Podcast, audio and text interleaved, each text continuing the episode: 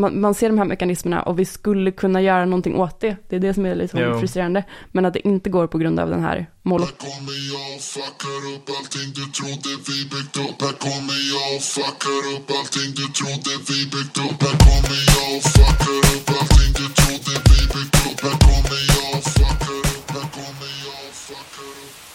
Hej och välkomna till podcasten Om och Men där vi reder ut det ni tycker är krångligt och krånglar till det ni trodde redan var utrett med mig Vincent Flink Gamlenäs. med mig, Beatrice Erkers. Nu börjar det härliga avsnittet. Eh, kul att se er igen Bea. Ja, det är samma Ja. Vincent. Eh, vi sitter på ett eh, helt unhinged chat så vill jag bara säga till alla Ja, lyssnare. Vi sitter liksom och tittar ut, vi sitter bredvid varandra. Ganska nära varandra sitter vi, tittar ut genom Beas fönster. Ja. Väldigt eh, poetiskt. Det här kanske blir ett lite filosofiskt poetiskt avsnitt. Och så kan vi inte riktigt se varandra, vi kan inte se varandra riktigt i ögonen och sånt. Man får Nej, snegla det, lite. Det vill vi inte göra ändå. Nej, det är sant. Men eh, nej, det, här, det här är svinbra tycker jag. Mm. Eh, men eh, du, eh, fan vad har hänt sen sist? Ehm, nej men ingenting. Alltså, nej.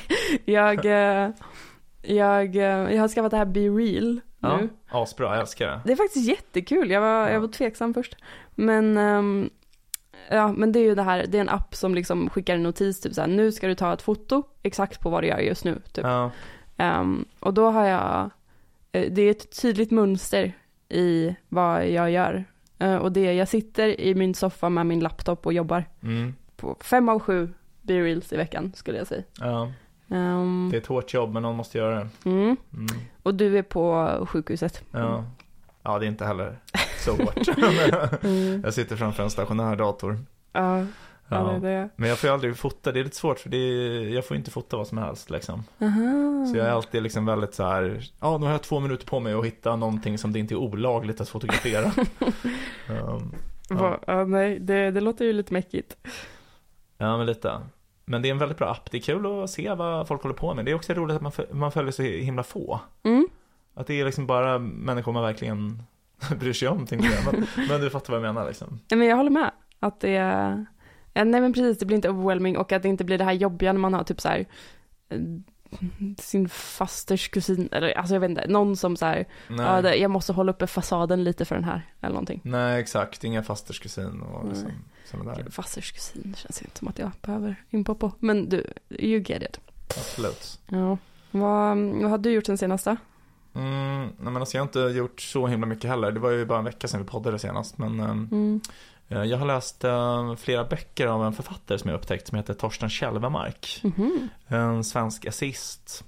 Som, eh, alltså han skriver väldigt, väldigt bra. Han är liksom religiös kristen men inte på ett så här dogmatiskt sätt utan typ ganska så här eh, eh, mycket, mycket så här magiskt tänkande och han skriver liksom essäer om sitt liv och sådär. Som jag tycker är liksom väldigt fina och välskrivna. Kan eh, tipsa om honom. Han har skrivit en självbiografisk essä som heter Låset av ull. Mhm. Eh, Som, alltså som ett lås. Men eh, haspen är liksom bara ull. Så att man kan bara trycka upp dörren när som helst. Eh, Som är som hans så här, typ eh, metafor för att det är liksom eh, mellan oss, vår vanliga tråkiga värld och liksom en magisk värld så finns det ett lås av ull. Jag tycker det är en lite oklar metafor. Ja. Men, eh, ja. Jo men den är väldigt oklar. Men eh, alltså det är mycket så här man kommer in, alltså du vet man läser mycket av en författare, man kommer in i den personens världsbild, man blir så uppslukad i det. Ja, Och jag har liksom blivit det lite för att jag nu senaste veckan har jag läst tre böcker av honom. ja. Så att jag har liksom blivit helt uppslukad av hans världsbild. Och i samband med det här så förstod jag att han är uppvuxen i, på en plats som heter Länna. Mhm. Och Länna ligger, alltså det är typ där mitt landställe ligger. Mm. eh, I Länna. Och då tyckte jag var så här, ah, fan vilket roligt sammanträffande. Ehm, och så jag googlade bara Torsten Kälvemark, Länna. Och då dök en kvinna som av åldern att döma måste vara Torsten Kälvemarks dotter upp. Mhm. Och då tänkte jag, okej, hon har väl ärvt den här släktgården då i Länna typ. Mm. Ehm, och sen några timmar senare så började jag göra research för ett projekt som jag ska skriva. Mhm. Ehm, jag ska skriva om typ så här läkemedelssubventioner, så det är så helt liksom annat då. Ehm, och då hittade jag liksom en, eh, ett meddelande som TLV, alltså Tandvårds och läkemedelsförmånsverket, har skrivit. Som jag var intresserad av och tänkte så här, det här ska jag använda, så här, fan jag lyckades med min research. Och sen scrollar jag ner och så ser jag vem som har skrivit under. Och då var det den här kvinnan, Kälvemark. och då tänkte jag så här, shit, det här är precis som ett sammanträffande som Torsten Kjellmark skulle skriva om. Mm. Det liksom har påverkat eh, världen att jag läste de här eh, oklara essäerna liksom. Meta, Ja, exakt. mäktigt. Ja, så jag blev lite så här, eh, ja men så här gränspsykotisk den dagen. Ja. Men det gick snabbt över. Jag, jag har märkt att psykotiskt är ett ord du använder Ja. ganska mycket. Jag tycker det är väldigt kul, eh, men att jag ofta, typ den här texten vi ska diskutera idag, Ja, beskrev du som psykotisk. ja exakt, extremt psykotisk. Ja, extremt Men alltså psykotisk. jag är arbetsskadad, jag jobbar ju med psykosvård. Ja. Det är ju därför jag hela tiden använder det. Du, du ser de liksom tekniska kännetecknen eller vad man säger. Ja, alltså, precis. Det, det kan ju betyda, alltså, jag är medveten om att jag använder det för mycket, jag har fått anmärkningar på det tidigare. Men, men så det kan ju betyda olika saker. Alltså till exempel nu när jag använder det om min egen upplevelse så, så menade jag ju liksom att det är att man ser samband där det e- egentligen bara finns en slump. Ja. Jag gäspar när jag berättar. Men, Okej. men, men det, det jag menar om den här texten är ju liksom att det är desorganiserat. Ja, alltså, Att, Ja. ja, att Det- det inte, den är inte logiskt uppbyggd på det sättet som man förväntar sig när man ska läsa en text. det var kul för, för du, du sa till mig att du upplevde den som extremt psykotisk innan jag hade läst den. Så sen när jag läste den så såg jag bara att det här kommer Vincent anmärka på, det här tror jag Vincent Ja. tyckte var psykot. Alltså så här, eh, ja, det, det fanns en del. Ja. Eh, Nej men precis, alltså den här texten då, du kanske kan presentera den, jag, alltså jag har aldrig, aldrig hört talas om den innan du Mm. berättade om den. Eh, Men vi har läst en text, en bloggpost igen av, av Scott Alexander, den här bloggaren som har den här Slate Star Codex-bloggen som vi pratat om i ett tidigare avsnitt också när vi pratade om politiska utopier. Så han är en rationalistbloggare och har skrivit en text som heter Meditations on Moloch. Moloch är då, verkar bety- kunna betyda lite olika saker men att det är något sorts monster som man i eh, Ancient, Ancient History kastade sina barn till. Ja, för I att, Kartago. okej, ja. ja. En gud man tillbad där, ja. som krävde blodsoffer, of, ofta i form av barn. Så inte en jättetrevlig gud eller så här. Eh, Skitgud enligt mig. Ja. Eh, Men att han, det är verkligen en sån eh, symbol för destruktiv, eh, destruktiva krafter i världen helt Mm. enkelt. Och eh, ja, det har använts som en metafor eller symbol då i till exempel den här John Miltons Paradise Lost som är Mm. klassisk, klassisk litteratur. Och då i framförallt det som eh, Scott Alexander pratar om i den här texten så är det ju Allen Ginsbergs dikt Howl som han refererar till där Allen Ginsberg eh, refererar till Moloch en del. Mm. Eh, och Allen Ginsberg var ju en, en Beatnik. beatnik-poet på 60-talet som hans kändaste dikt heter Howl. Och den pratar om eh, väldigt mycket olika saker men liksom där i den här dikten så representerar Moloch eh, kapitalism typ, tror man. Eh, och industrialisering och eh, vad ska man säga, liksom förtryckande sociala normer och, och, Mm. och så. Mm. Allt det dåliga hos människor i grupp. Precis, men så då har Scott skrivit den här texten som heter Meditations on Moloch som är indelad i lite olika stycken där han går igenom vad han eh, tror att olika, det är väl, man skulle kunna sammanfatta det som races to the bottom typ. Mm. Ehm, att det blir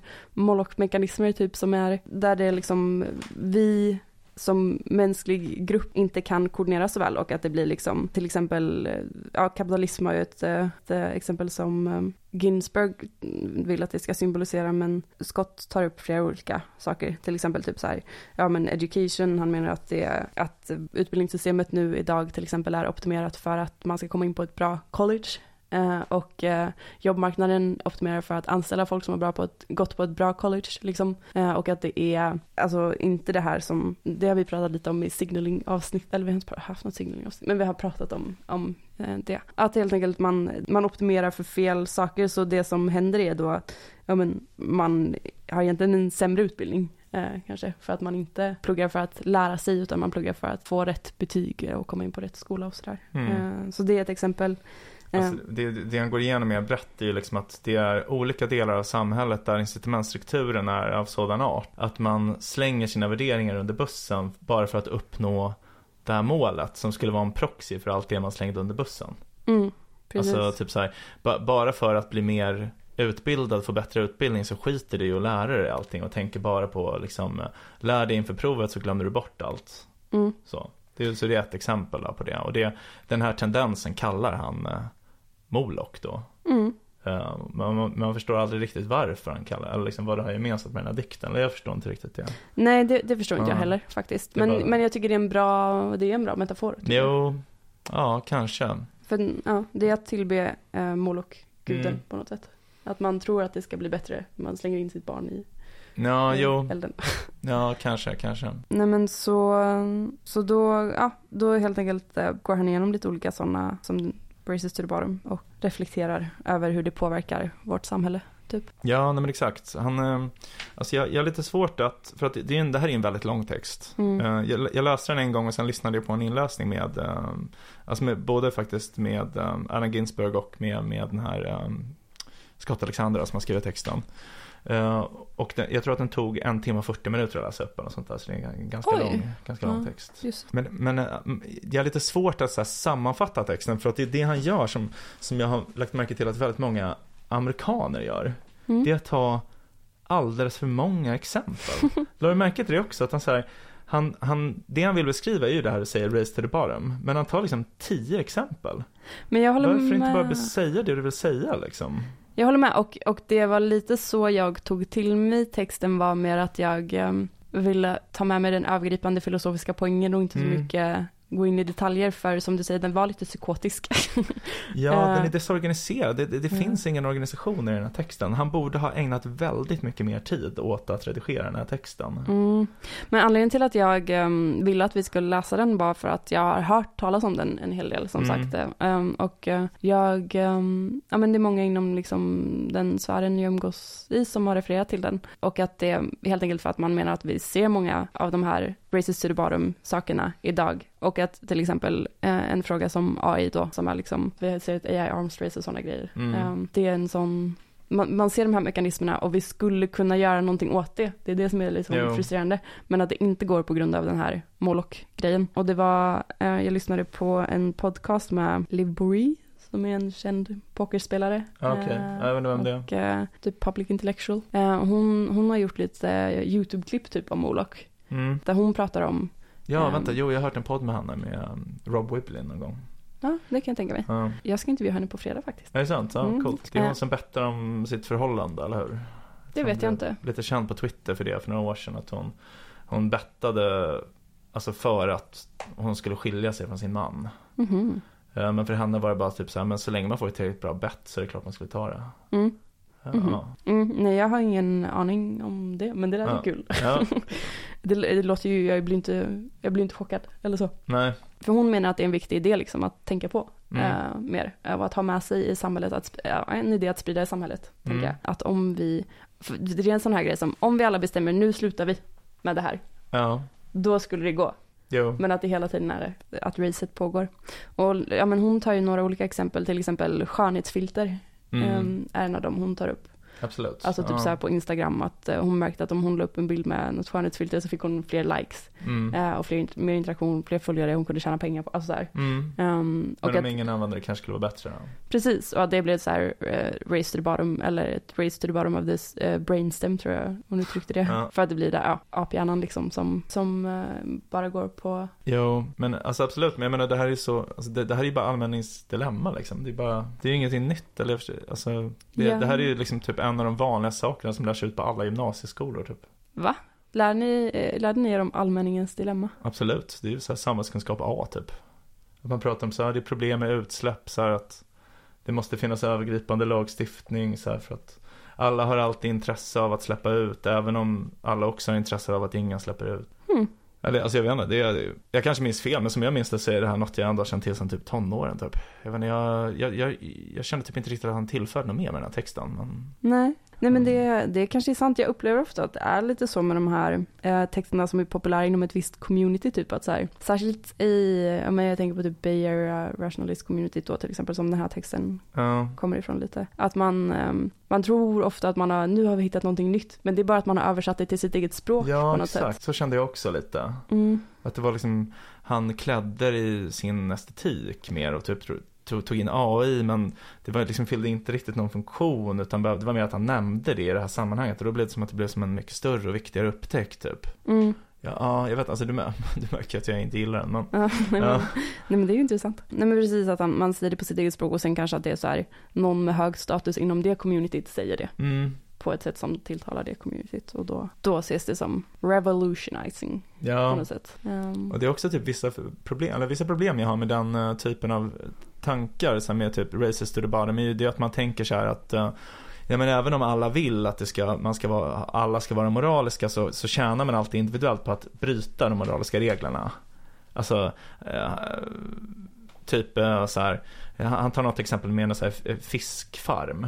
Mm. Att det är så här, det, det finns liksom hundra personer som har en fiskfarm i en sjö Men de här eh, liksom eh, fisk, fiskarna släpper ut massa skit liksom i sjön Och det blir sämre för alla och till slut så kommer sjön vara förstörd. Men då är det någon som eh, skapar ett vattenfilter som man kan köpa för 300 dollar Och om alla använder det så kan man fortsätta och man tjänar lite mindre vinst då men det, det blir ändå bra, mer hållbart. Men så är det någon som slutar betala de här 300 och då filtrerar de andra allting. Så att han kan dra nytta av sjön men han eh, behåller större delen av sin vinst och sen tar alla efter och så förstörs sjön så här. Det är ju allmänningens dilemma liksom. Mm. Ehm, men grejen är liksom att jag, jag tror inte riktigt att det är så, så här race to the bottom för att då räknar man ju med att typ moraliska insikter inte är ett incitament. Alltså typ människor förstår ju så att det är fel att typ mörda, hota människor och förstöra miljön så här. Även om vi inte förstår det i tillräckligt hög utsträckning så förstår man det ju i någon utsträckning. Förstår du vad jag menar? Alltså så här, och sen kan man då säga typ så här att ja men det, de flesta gör det men det finns liksom psykopater så här och alla de här marknaderna selekterar för psykopater så till slut så kommer det bara vara psykopater som är verksamma på marknaden. Men då utgår man ifrån att så här, att vara psykopat samvarierar inte med någonting annat. Men så Mm. är det ju inte. Psykopater, de är ju ofta typ utvecklingsstörda eller så här har, alltså det, det, är ju, det är ju extremt ovanligt att inte känna någon empati. Mm. Det är så här, människor som liksom, har liksom bristande IQ, alltså så här, har jättesvårt på andra sätt också. Mm. Som inte kommer bli framgångsrika entreprenörer. Alltså, Ja. Nej, men, men jag förstår vad du menar och eh, håller väl med till stor del. Det jag tänker är att det blir en, en sån grej som är, alltså jag känner att jag har dragit det här argumentet förut, men att det, det håller ju så länge vi inte har superkraftfull teknik till exempel, eller så här Mm. att man kan göra enormt stor skada. Eh, om man är en single actor, det är ju så här Nick Boström pratar om det så här, small kills all, att eh, eh, om alla har om väldigt, väldigt många personer har tillgång till en farlig teknik till exempel så kommer Jo. det nog förr eller senare kommer någon eh, jäkel medvetet eller omedvetet att ställa till det för ja. alla. Jo, nej, men det, det, det är ju sant. Jag menar, det finns ju, alltså tyvärr så finns det ju sammanhang där vår moraliska intuition är satt ur spel. Till exempel när man inte ser konsekvenserna av sitt handlande. Ja, Eller som du säger, det räcker med en handling för att förstöra allt, för du kan inte utvärdera den. ja, Um, så att absolut, jag menar det finns ju ett problem, det medger jag ju, men det är inte riktigt så illa som, som vissa presenterar det som, det är mer så jag menar. ja men det, det tycker jag är en good point liksom. Men han, han verkar ju tycka mer liksom att man behöver, alltså så här, staten behöver reglera, alltså, eller hur? Att för att lösa allmänningens dilemma, det är ju vanligt, ett vanligt liksom vänsterargument. Att um, staten behöver gripa in med regleringar typ för att lösa allmänningens dilemma i olika frågor. Jag um, tyckte det var intressant det han pratade om, um, han pratade om Las Vegas. Ja, just det. Som eh, att det, han hade fått ehm, sin insikt där när han Ja. var i Las Vegas. Att, eh, att han hade stått eh, i Las Vegas typ och tittat ut och bara så här, "Uff, det här är ändå imponerande. Just att han såg så här skyscrapers och ljus i alla riktningar och ja, men att man har återskapat liksom Paris och Rom och eh, Egypten. Att man står och ser ut över allt det här. Och det är liksom eh, helt fantastiskt att vi kan skapa någonting eh, sånt här. Men så sa han sen också att det är också typ skamligt att vi kan skapa Mm. något, eh, något sånt här. Eh, att vi liksom, det är det vi har använt vår, våra begränsade, vår, vår civilisations begränsade resurser har gått till att bygga Las Vegas liksom bland Den där annat. skiten liksom. Ja, Ja. eh, och att det är liksom, Las Vegas existerar för att ehm, folk har den här dopamin Mm. circuit i hjärnan liksom. Eh, Så att man liksom tror att man, de blir för, för de här falska löftena om att du kan vinna massa pengar och eh, mm. åker dit och spelar. Att liksom, det beror på, på den här lilla dopaminmekanismen att Las Vegas existerar på grund av det typ. jo. Och att det var då han menade att han såg Moloch. Ja, precis. Han förstod hur det kunde bli på ett sätt som ingen hade velat. Nej, men precis, vi, vi har all den här fantastiska tek- tekniken och kognitiva kapaciteten och liksom all den briljans som är liksom eh, mänsklighetens. Mm. Men vi har slösat det på, på Las Vegas. Ja, jo, men alltså jag förstår vad han menar på ett sätt. Samtidigt så, alltså jag blev ganska sugen på att åka till Vegas när jag läste det. Jag alltså, jag vill jättegärna åka dit. Jag, alltså, sen, han har ju varit där, det har inte jag varit då. Så att han kanske har rätt, jag kanske också skulle hata dem över det. Men jag, jag tror att jag skulle älska Las Vegas. Uh, uh, ehm, jag tror jag skulle fascineras av det, som han gjorde. Ja. Eh, men att det nog absolut, alltså att det blir en sån där, vill man, jag tror inte jag hade velat leva där liksom. Nej, Mm. precis. Som Killers. The Killers kommer ju från Las Vegas. Ah, okej. Sjukt tycker jag. Mormonerna liksom, det är inte det man kopplar ihop med Las Vegas och det här dekadenta levernet liksom. Just det, just det. Men, Mm. nej, men alltså, jag, jag, jag, ser, alltså jag ser det inte som en skam för mänskligheten att vi har byggt Las Vegas. Alltså det, det är ju liksom en, en stor stad som bara är till för nöje och så, jag menar, de flesta som reser till Las Vegas eh, har väl det som ett eh, jättefint minne liksom, att de reste dit med några kompisar och liksom hade galna fester och så här. Sen är det väl vissa som, som använder det på fel sätt. Med, eller? Eh, nej men jag, alltså jag, jag ser inte det som en skam att Las Vegas existerar heller. Men jag tycker ändå att det ligger någonting i argumentet att det är liksom, särskilt Mm. när det är, när vi står inför stora utmaningar typ. Alltså att så här, eh, Mm. är det verkligen hit resurserna ska gå? Eh, alltså, och det handlar ju inte bara om Las Vegas då, utan det handlar väl mer om Mm. mycket mer. Allt som, som pågår liksom. Alltså jag förstår vad du menar på ett sätt, men jag menar det är också så här, det är en skillnad mellan så här resurs, vad resurserna ska gå. Alltså det här är ju inte statens pengar. Alltså det är så här, anledningen till att Las Vegas finns, det är ju att det är många människor som vill roa sig. Så här, ska man då säga typ så här, nej men vi vill inte att din, du ska spendera pengar på att roa dig, vi vill att du ska spendera pengar på, jag, jag vet inte, AI-forskning eller något. Ja, nej men, Förstår du vad jag menar? Alltså, menar det, det är ju inte en skillnad att säga så här att staten ska använda sina finanser på ett eh, mer effektivt sätt, inte bara för eh, att roa sig. Men, och, och att säga att enskilda personer ska an, använda sina pengar som de själva tjänat ihop. Alltså förstår du hur jag... ja, nej men, alltså så här, jag tycker det är bra att Las Vegas Ja. finns. För jag tycker att det är Tack. Till Las Vegas. jag bara, ja, det är, det är liksom eh, kul att existera och jag tycker att man ska få göra som man vill. Ja, Ehm, nästa avsnitt sänds från Las Vegas. men, men det är ändå någonting som gnager i mig bara. Alltså jag får en, en jobbig känsla i magen typ av att, och då tänker jag inte på Las, jag tänker inte på Las Vegas nu, Mm. utan jag menar mer att det här symboliserar liksom allt som alla Mm. lägger så himla mycket energi och pengar på som är liksom, jag vet inte, om jag tar metaforen att bo ja, men, i, på Östermalm i Stockholm som jag Ja, gör nu liksom. Eh, Ska jag lägga alla mina pengar på vad de flesta kanske gör som lever här, som är typ så här, jag ska tjäna så mycket pengar som möjligt för att jag ska Mm. kunna bo i en så stor lägenhet som möjligt, för att jag ska kunna skryta inför mina kompisar och grannar och jag ska gå på de finaste restaurangerna som liksom så här, Mm, eh, att man lägger alla resurser på sånt som, som inte ger en kanske så mycket egentligen. Nej. Det är väl det jag menar, att Las Vegas kanske inte ger en så mycket egentligen. Det är lite kul, Mm, men det är en snabb kick till skillnad från liksom mening. ja. Man ska inte bygga sitt hus på lösan sand. Man måste ha en stadig grund. Precis, precis Mm. det jag tänkte säga. Ja, nej men absolut. Men det, det, det håller jag för sig helt, helt med dig om. Att det är liksom, eh, alltså det, att det finns någonting dekadent i vårt samhälle. Sådär, att eh, människor värdesätter fel saker och sådär. Det, det håller jag med dig om. Men jag, jag tänker mig att det kan få finnas Alltså på, stora påkostade saker som människor kan a, an, ägna sig åt bara för sin egen njutnings skull för stunden. Men att det inte behöver gå överstyr och det är allt man tänker på. Typ, men så. Mm, nej men precis, men, men det var ju alltså som till exempel ehm, när vi pratade om värderingar i förra avsnittet pratade jag om skönhet som Ja. en värdering jag typ har. Det låter som en Ja. jättekonstig värdering.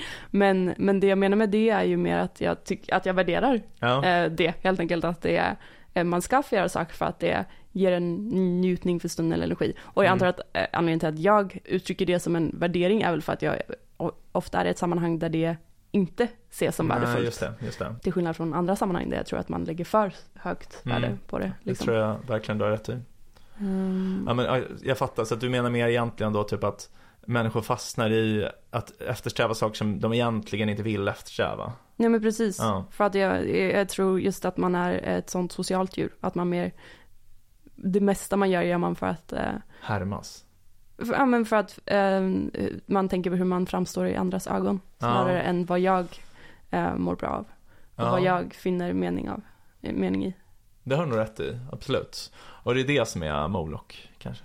Ja men lite Moloch. Det är lite Moloch över det, absolut. Barnätande gud från Kartago över det. Ja. Av någon anledning så blev det Moloch. Ja, ja. nej men jag vill eh, aldrig mer läsa något av den här mannen. Okej. Jag, jag kände mig verkligen Det- upprörd när jag läste det här ska jag det, alltså gre- grejen är att jag ibland eh, kan jag känna sånt brinnande hat för inte personer som har skrivit en dålig text, men för själva texten. Mhm. Det är jättekonstigt, det är som jag tänker att det är en person, jag blir arg på att den existerar och jag tänker bara att den här texten borde aldrig ha skrivits. Jag kan ofta känna så när jag läser tidningen. Ibland kan jag säga, alltså jag börjar svära liksom för mig själv och Lomna frågar va- varför. Och det är bara för att jag tycker att den här texten är så dålig. Alltså den är dåligt skriven liksom. Hmm. Och så kände jag när jag läste det här. Ja. Ja, så läs för guds skull ingenting av den här mannen. Jag kände likadant när vi läste den här förra texten, vad heter den? Eh, ja, eh, Archipelago. Uh, Ja just det, den, fa- det var ännu konstigare. Det handlade om en, en skärgård där en trollkar hade sin verksamhet och inrättade olika samhällen. Som, Detta alltså, är en elak tolkning Åh, av texten dåligt. Det var jag så dåligt. Och nu har han skrivit en text om att allt som är dåligt samhället förklaras av en gud från Kartago. Alltså det är så dåligt. Vincent strawmanar texterna tycker jag. Men ehm, de, ja, jag håller med om att de är psykotiska. Ja, det, det gör jag. Eh, men det kan ju vara intressant ändå tänker jag. Men, men jag ska inte tvinga dig att läsa något mer. Jag tror det är framförallt de här två texterna som jag har Ja. fått höra om hela tiden. Ehm, och nu har jag läst dem så det är ju bra. Ja, men alltså jag tycker överhuvudtaget i den här rörelsen att det är man, man, man märker att det typ, eh, det finns ingen respekt för att eh, folk som är bra på att skriva. Mm. För att jag tycker också, typ, alltså till exempel Toby Ord, han skriver ju ganska bra. Den här texten vi läste i förra avsnittet var ju ändå verkligen bra. Mm. Och eh, framförallt eh, McCaskill skriver väldigt bra tycker jag. Mm. Eh, men de texterna blandas liksom med så här helt, ja men typ som den här och liksom, men det Mm. kanske bara jag som inte riktigt förstår den här världen. Typ, egentligen kanske det är helt olika människor som tycker om de här. Ja, det, det finns nog ett ganska stort overlap men det är olika. Ja, Ja. det skulle jag säga. Men det finns nog ett väldigt stort overlap. Alltså jag, jag har också tänkt på det att jag tror att jag har fått typ en konstig syn på det här den här klicken i San Francisco. Att för att jag har ju aldrig varit där och jag har fått reda på allt via dig. Så att jag tänker liksom att alla du berättar om också känner varann. Och att det är som en stor liga liksom av människor. Men det är, det, jag antar att det finns människor i San Francisco som inte känner varann. Ja, Det är en ganska stor stad liksom. ja, jo. Det är inte så stor faktiskt. Det är Inte? mindre än Stockholm. Jaha, okej. Men, men Bay Area är ju större. Där Ja, det har så här. Oakland och Berkeley och sånt. Palo Alto. Ja. Men ganska många känner varandra ändå. Ja det är så, okej men då kanske Ja. det var rätt ändå då. Ja. Ja. Men ja, nej jag ska inte. Um, känner varandra är starkt. Men du vet, Mm. eh, är medvetna om varandras existens så kanske det går på samma fester. Mm. Eller för jag tror att, när jag, att jag har hamnat i en klick där. För jag, jag, har ju, jag har ju typ inte träffat någon som bor i en lägenhet. Alltså jag har bara träffat folk som bor i kollektiv där. Ja, ja, nice. För, Mm. men jag fattar ju att folk bor i lägenhet i San Francisco. Att det är liksom en annan, ett annat community. Exakt. Eh, alla som bor i Man blir villa. dissad för att lägenhet. ja, Det är typ men, så det är här men. ja. men det som är intressant, eller okej. En sak som jag eh, tycker är lite kul med texten Ja, är att han drar den till sin spets. ja absolut. Eh, det gör de ju ofta. Jo. Att man gör det existentiellt liksom. Jo. Eh, och, eh, och då är ju en av eh, grejerna som han, han påstår då är liksom att ja, men nu så de här um, fällorna, Moloch-fällorna eller vad man Mm. ska säga, eller allmänningsdilemmorna. Eh, de, det var ju det vi pratade om, att de har varit ändå begränsade för att vi har haft liksom fysiska begränsningar på Ja. hur stor skada man kan åstadkomma. Men att nu med ny teknik så kan det ändras. Eh, att nu skulle man kunna göra större skada. Mm. Och att eh, allt som, som liksom, ja, mänskligheten har arbetat för skulle liksom, Gå om intet. ja precis. Ja, det, det är en bra poäng, absolut. Ja, Eh, han pratar lite om Nick Boström där och att Nick Boström har skrivit i, i Superintelligence eh, om, det, ja, det handlar ju om um, superintelligens, alltså artificiell intelligens som man skulle kunna lämna över mänsklighetens öde i en Mm. superintelligens händer i princip. Eh, och ehm, när man drar det vidare till sin spets, alltså någonting som skulle kunna hända då är att människor till exempel inte existerar, eller vi som liksom upplevande varelser Mm. med medvetande inte existerar. Så, men att det fortfarande skulle kunna vara någonting som existerar, kanske ehm, ja, men artificiella intelligenser. Eh, inte nödvändigtvis medvetna, men eh, intelligenser som styr världen och det finns inga kännande varelser. Vi finns inte, djur finns inte.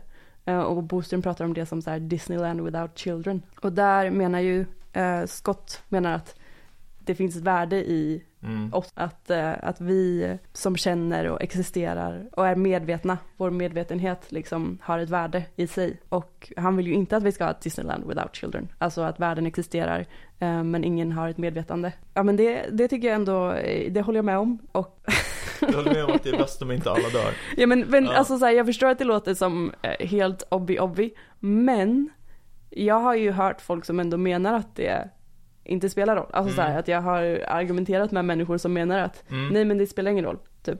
Um, alltså att det är, Jag har aldrig träffat en sån på riktigt, men jag har hört men att de jag finns. uppfattar Så- Robin Hanson som det lite. Ja, men det, alltså jag tror att, alltså han skriver ju om lite en annan typ av AI. Jag tror att han skulle tycka att världen var sämre om det bara fanns ChatGPT Mm. och inga människor. Nej, men Han, han, han han skriver är ju- om alltså, en typ av AI som han tror är medveten. eh, eh, de här brain emulation, eh, Ja, exakt, EMS. ja. Ja, Så det är ju liksom lite en annan femma ändå. ja. Mm. Ja men det, det kanske är. Men han, han känns ändå att det är mer liberala hållet på den skalan. Typ att han, han skulle inte sörja så Nej. mycket. Han har en felaktig uppfattning om medvetande filosofi också som jag tror kanske lite ligger honom i fatet i den här frågan. Han, alltså han tror att eh, medvetande bara är beräkning. Mhm. Alltså computation, alltså det här funktionalism kallas det. Oj, Eh, Men det är inte rätt medveten filosofisk teori. tycker inte Alltså, du? jag, jag, Mm. jag vet inte vilken som är rätt, men jag vet Nej. att den inte är rätt. Nej men det, nej, men det eh, håller jag nog med om också.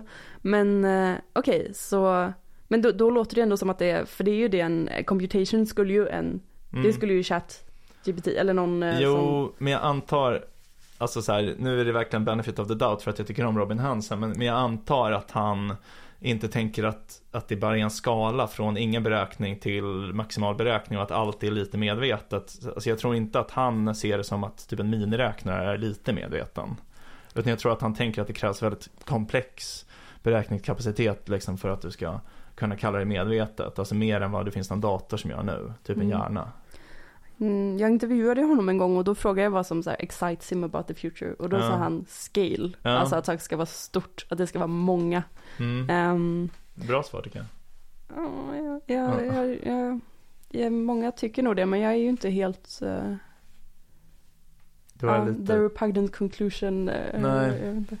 Ehm, men, uh, nej men det, det han, det, okej, men så det kanske är en elak tolkning av mig att eh, tolka Robin Hanson lite åt det hållet. Men Men, det, kanske, det kanske inte är det. Alltså jag, menar, jag, jag har ju en jättekonstig fascination över honom som jag, jag ofta har svårt att förklara faktiskt. det var Men, lite eh, kul, vår, vår kompis som uh, lyssnar mycket på podden eh, hade nu eh, försökt faktiskt eh, se något föredrag med Robin Hanson. Ja, blivit extremt provocerad av Ja. honom. eh, För att han är ju en sån här gubbe som typ Ja. ehm, alltså han är Tycker han har jätte, rätt. han är jättehatad och liksom eh, så här cancelled mer eller mindre och typ så det finns ju massa nackdelar men jag är liksom jag, jag ser förbi dem, jag vet inte riktigt varför jag tycker så mycket om honom. Men det, ibland är det ju sådär. Nej precis, Mm. men, ehm, nej, men hon frågade i alla fall om så här.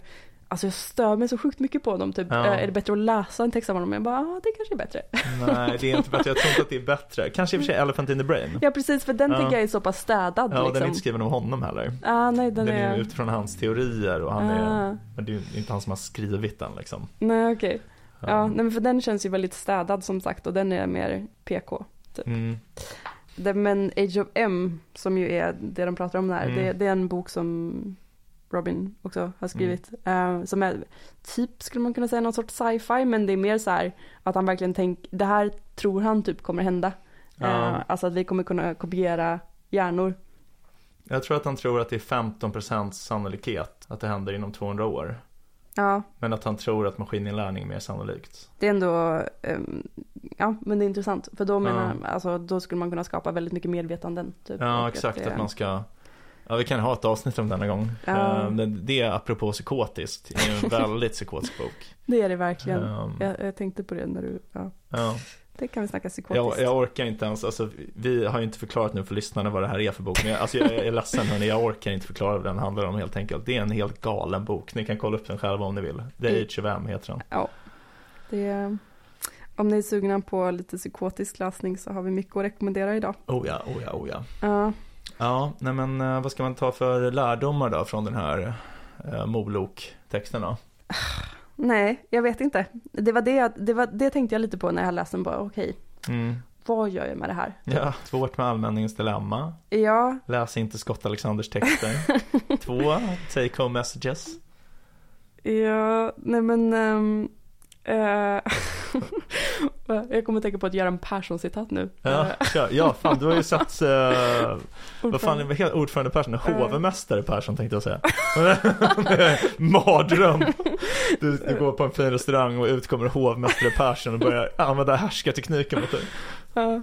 Ja. Eh, alltså det var inte ett särskilt passande citat. Nej. Men eh, han sa i något avsnitt nu att eh, det var för de frågade honom typ så här, vad, vad, vad ska du göra om du inte blir omvald liksom? ja. Och han bara, Gud föder höken. Typ. eh? Jaha, att ge mat till höken. Jag tror jag menar föder, alltså föder. Nej. nej nej, alltså ge mat till höken. Eh, som typ så här, Gud ger till den girige. Ah, Eh, det känns som en så här molok. Eh. verkligen. Den järva tänker jag att han menar. Nej, den girige tänker jag. Jag tänker Ja. att man tänker på en gök som girig. Eller hök, förlåt, Ja. höken. Eh, jag vet inte vad jag sa nu. Hök är väl den som är en rovfågel som är, Girig kanske. Hökar. mm, det hör man. Man, man säger hökare om folk som försäljer. Är det så? Jag tror det. Ja. Hawkers. Mhm. Tror man säger så.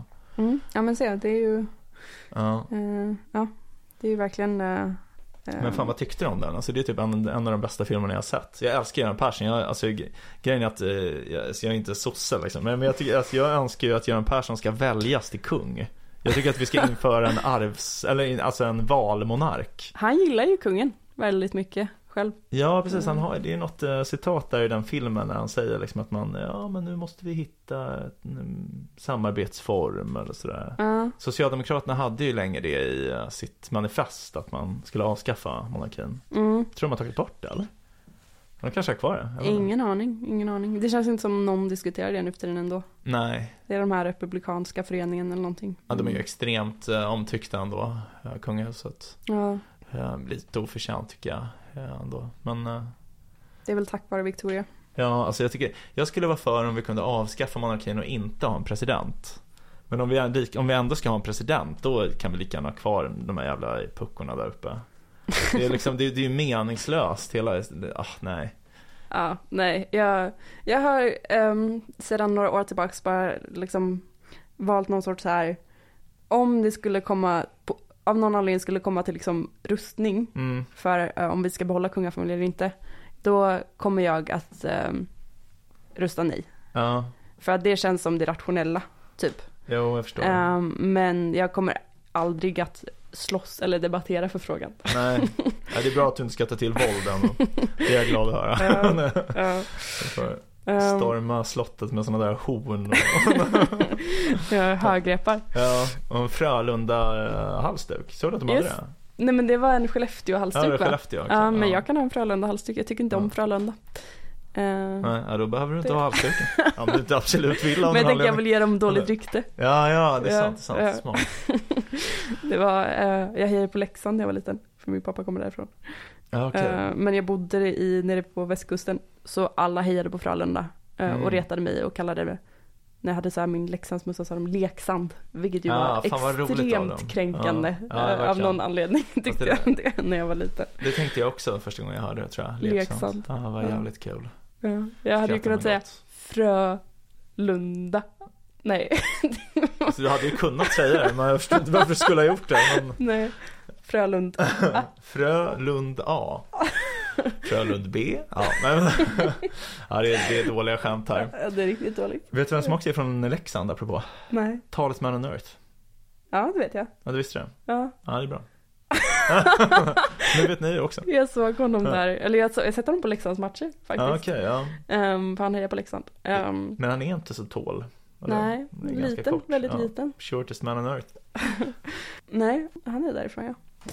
Ehm, nej men eh, så back to, back to business då. Mm. Ehm, det jag tänker, om man ska, som jag tänker att det är det han vill förmedla i slutändan när han försöker så här wrap it up lite. Ja, Ehm, då säger han ju, han citerar det här med Ginsberg-dikten igen, Ja. alltså knyter tillbaka till den. Där uh, Ginsberg har sagt liksom, eh, eh, den Howl-dikten börjar med eh, I saw the best minds of my generation destroyed by madness. Ehm, det, i vår generation. mm. Ehm, utan att så här, han menar att I got to see the best minds of my generation identify problem and get to work. Typ, alltså så här, ja att om man Mm. identifierar Moloch så ser man också, alltså som sagt det är problem som går att göra Mm. någonting åt. Ja, Och det är väl lite det jag tänker att man tar med sig, att sånt som man ser som, om som sagt, om på något jäkla vänster vi alla skulle kunna komma överens om att ändra på det här, Mm. så skulle vi kunna ändra på det. Eller om man hittar någon sorts teknik, jag tänker på eh, ja, men många som tror på kryptografi och sånt, eller tror på blockkedjeteknik som eh, en möjlig lösning till Mm. eh, olika problem. För att då kan man, mycket av det här handlar ju om samarbete typ. Om jag, Bob och Alice ska göra eh, någon sorts handel, Bob ska köpa en fåtölj av Alice på Blocket typ. Mm. Då vill ju Bob veta att han får fåtöljen innan han får över pengarna. Ja, just det. Mm. Eh, och att om man då kan ha teknik, som ju Blocket har nu för tiden till exempel, Mm. att man kan ja, Blockchain. Blocket chain. Ja. Ehm, Den nya cryptocurrencyn. Nej men precis, men Mm. att man då faktiskt kan handla med människor eh, utan att se dem eller behöva liksom Mm. eh, lita på individen för att man kan lita på ett system som bygger upp det, alltså kooperativa system Just det. eh, som blockkedjeteknik kan hjälpa till med till exempel. Mm. Ehm, så det tänker jag, alltså så här att man kan, kan se Molok, man kan bestämma sig för att man inte vill vara med, typ skönhetsfilter-grejen. Mm. Typ den här eh, Race Wrong vill jag inte vara med och bidra till. Typ. Ehm, och att man som sagt kan tänka på, finns det någonting vi kan göra åt just den här Molok-grejen? För jag tror att man kan göra någonting åt många av dem. Samarbete är ju svaret liksom. Ja, och, Prata och det är ju... Ja. prata med varandra. Men prata. Mm. måste prata. Det är därför jag pratar på. Tystnar aldrig. Det spelar ingen roll om jag inte har något att säga. Ja. ja, nej, exakt, det är det jag menar. Mm. Ni måste prata med varandra. ja. Nej men eh, det är väl typ det. Eller så koordinera liksom. Ja, koordinera. Ja. Men då tänker jag på en lite mer avancerad nivå kanske än att bara så här prata. Snack, snick, snack. Ja. Ja. Jo, men det, det är något sånt. Nej men eh, typ så då. Ja, precis. Han avslutar med att man ska döda Molok. Ja.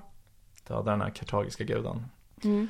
Ja, nej men eh, fan, det var väl ett, en intressant läsning ändå. Det är ganska kul också att läsa sånt man blir arg av att läsa. Ja. Då känner man sig själv smart. Ja. Känner man så här, eh, vilka, fan vad, vad duktig jag var som hade så låga tankar om den här kända.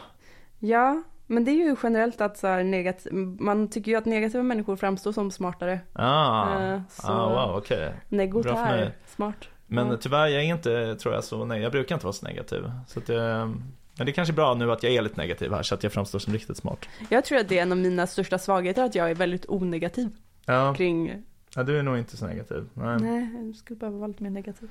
Ja, så det visar hur smart det är. Ja, exakt. Men jag har blivit mer negativ. I vilka avseenden? Det kanske inte är så bra, Jag men vill inte ligga på. För alldeles för långt. Han är bara jävlar vad smart. eh, nej. Men jag tror jag kan så här lite mer, eh, typ, bara i, i jobbet typ tycka, nej men det här var dåligt gjort. Mm. Eh, eller att man tycker att det vet jag inte om det är så bra kanske, men att jag kan vara lite hårdare mot andra människor bara, men det var kast gjort. Typ. Ja, fördöma mer. Ja, liksom. precis. Men då gäller det väl att göra det på ett sätt som är så här, ja, fördöma handlingen men inte människan. Ja, ja men jag håller med. Ja. Det är viktigt faktiskt. Framförallt när man bråkar med någon och inte säga typ så här, du gör alltid så här, du är så himla, typ, utan man ska mer säga så här, jag tyckte att det var väldigt, just det här du gjorde tyckte jag var väldigt dåligt. Och, Precis, ja, precis. Ja. bra. Mycket, mycket klokheter och visheter. Ja, klok och vis kan vara nya podd heta. Ja. Vem är klok och vem är vis? Lyssna till find out. Jag tycker, jag tycker fortfarande mest om vår murvelidentitet. Den här murvelpodden ja, Ja. att man uh, vattnar ur de uh, tänkarnas idéer för att skydda dem från mängden. Eller Ja. något sånt. ja, men det skulle vara en jävligt bra podd. Men det är väl det vi har gjort lite nu. Alltså det är verkligen det vi gör. Alltså det här behöver Vi inte läser vattnas de ur här, nedklassificerade den här psyko- texten. psykotiska texterna Ja, så att här ni texten, inte behöver göra det. det, det är snarare att den här behöver tvärtom mer substans för att Nej, alltså det är ju... men, men, eh, men visst, han kanske behöver skyddas mot mängden om de får nys om hur dålig han är Vi ju inte upp alla 15 exempel, Det är sant, det är sant. så vi sållade ju lite. Ja, varsågoda lyssnare. Mm. Men eh, okej, ska vi kalla det för ett avsnitt kanske? Mm, det gör vi. Eh, då så.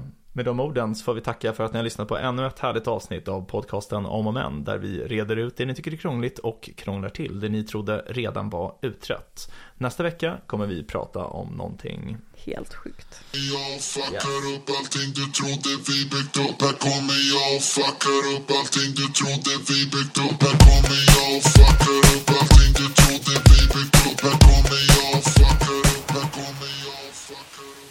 Vi har en mejladress, om och gmail.com. gmail.com. Hör gärna av er om ni har några förslag på ämnen vi kan ta upp i podden eller om ni undrar något. Vi kommer att svara på alla mejl. Tack för att du har lyssnat. Vi hoppas att du vill lyssna även på nästa avsnitt som kommer på måndag.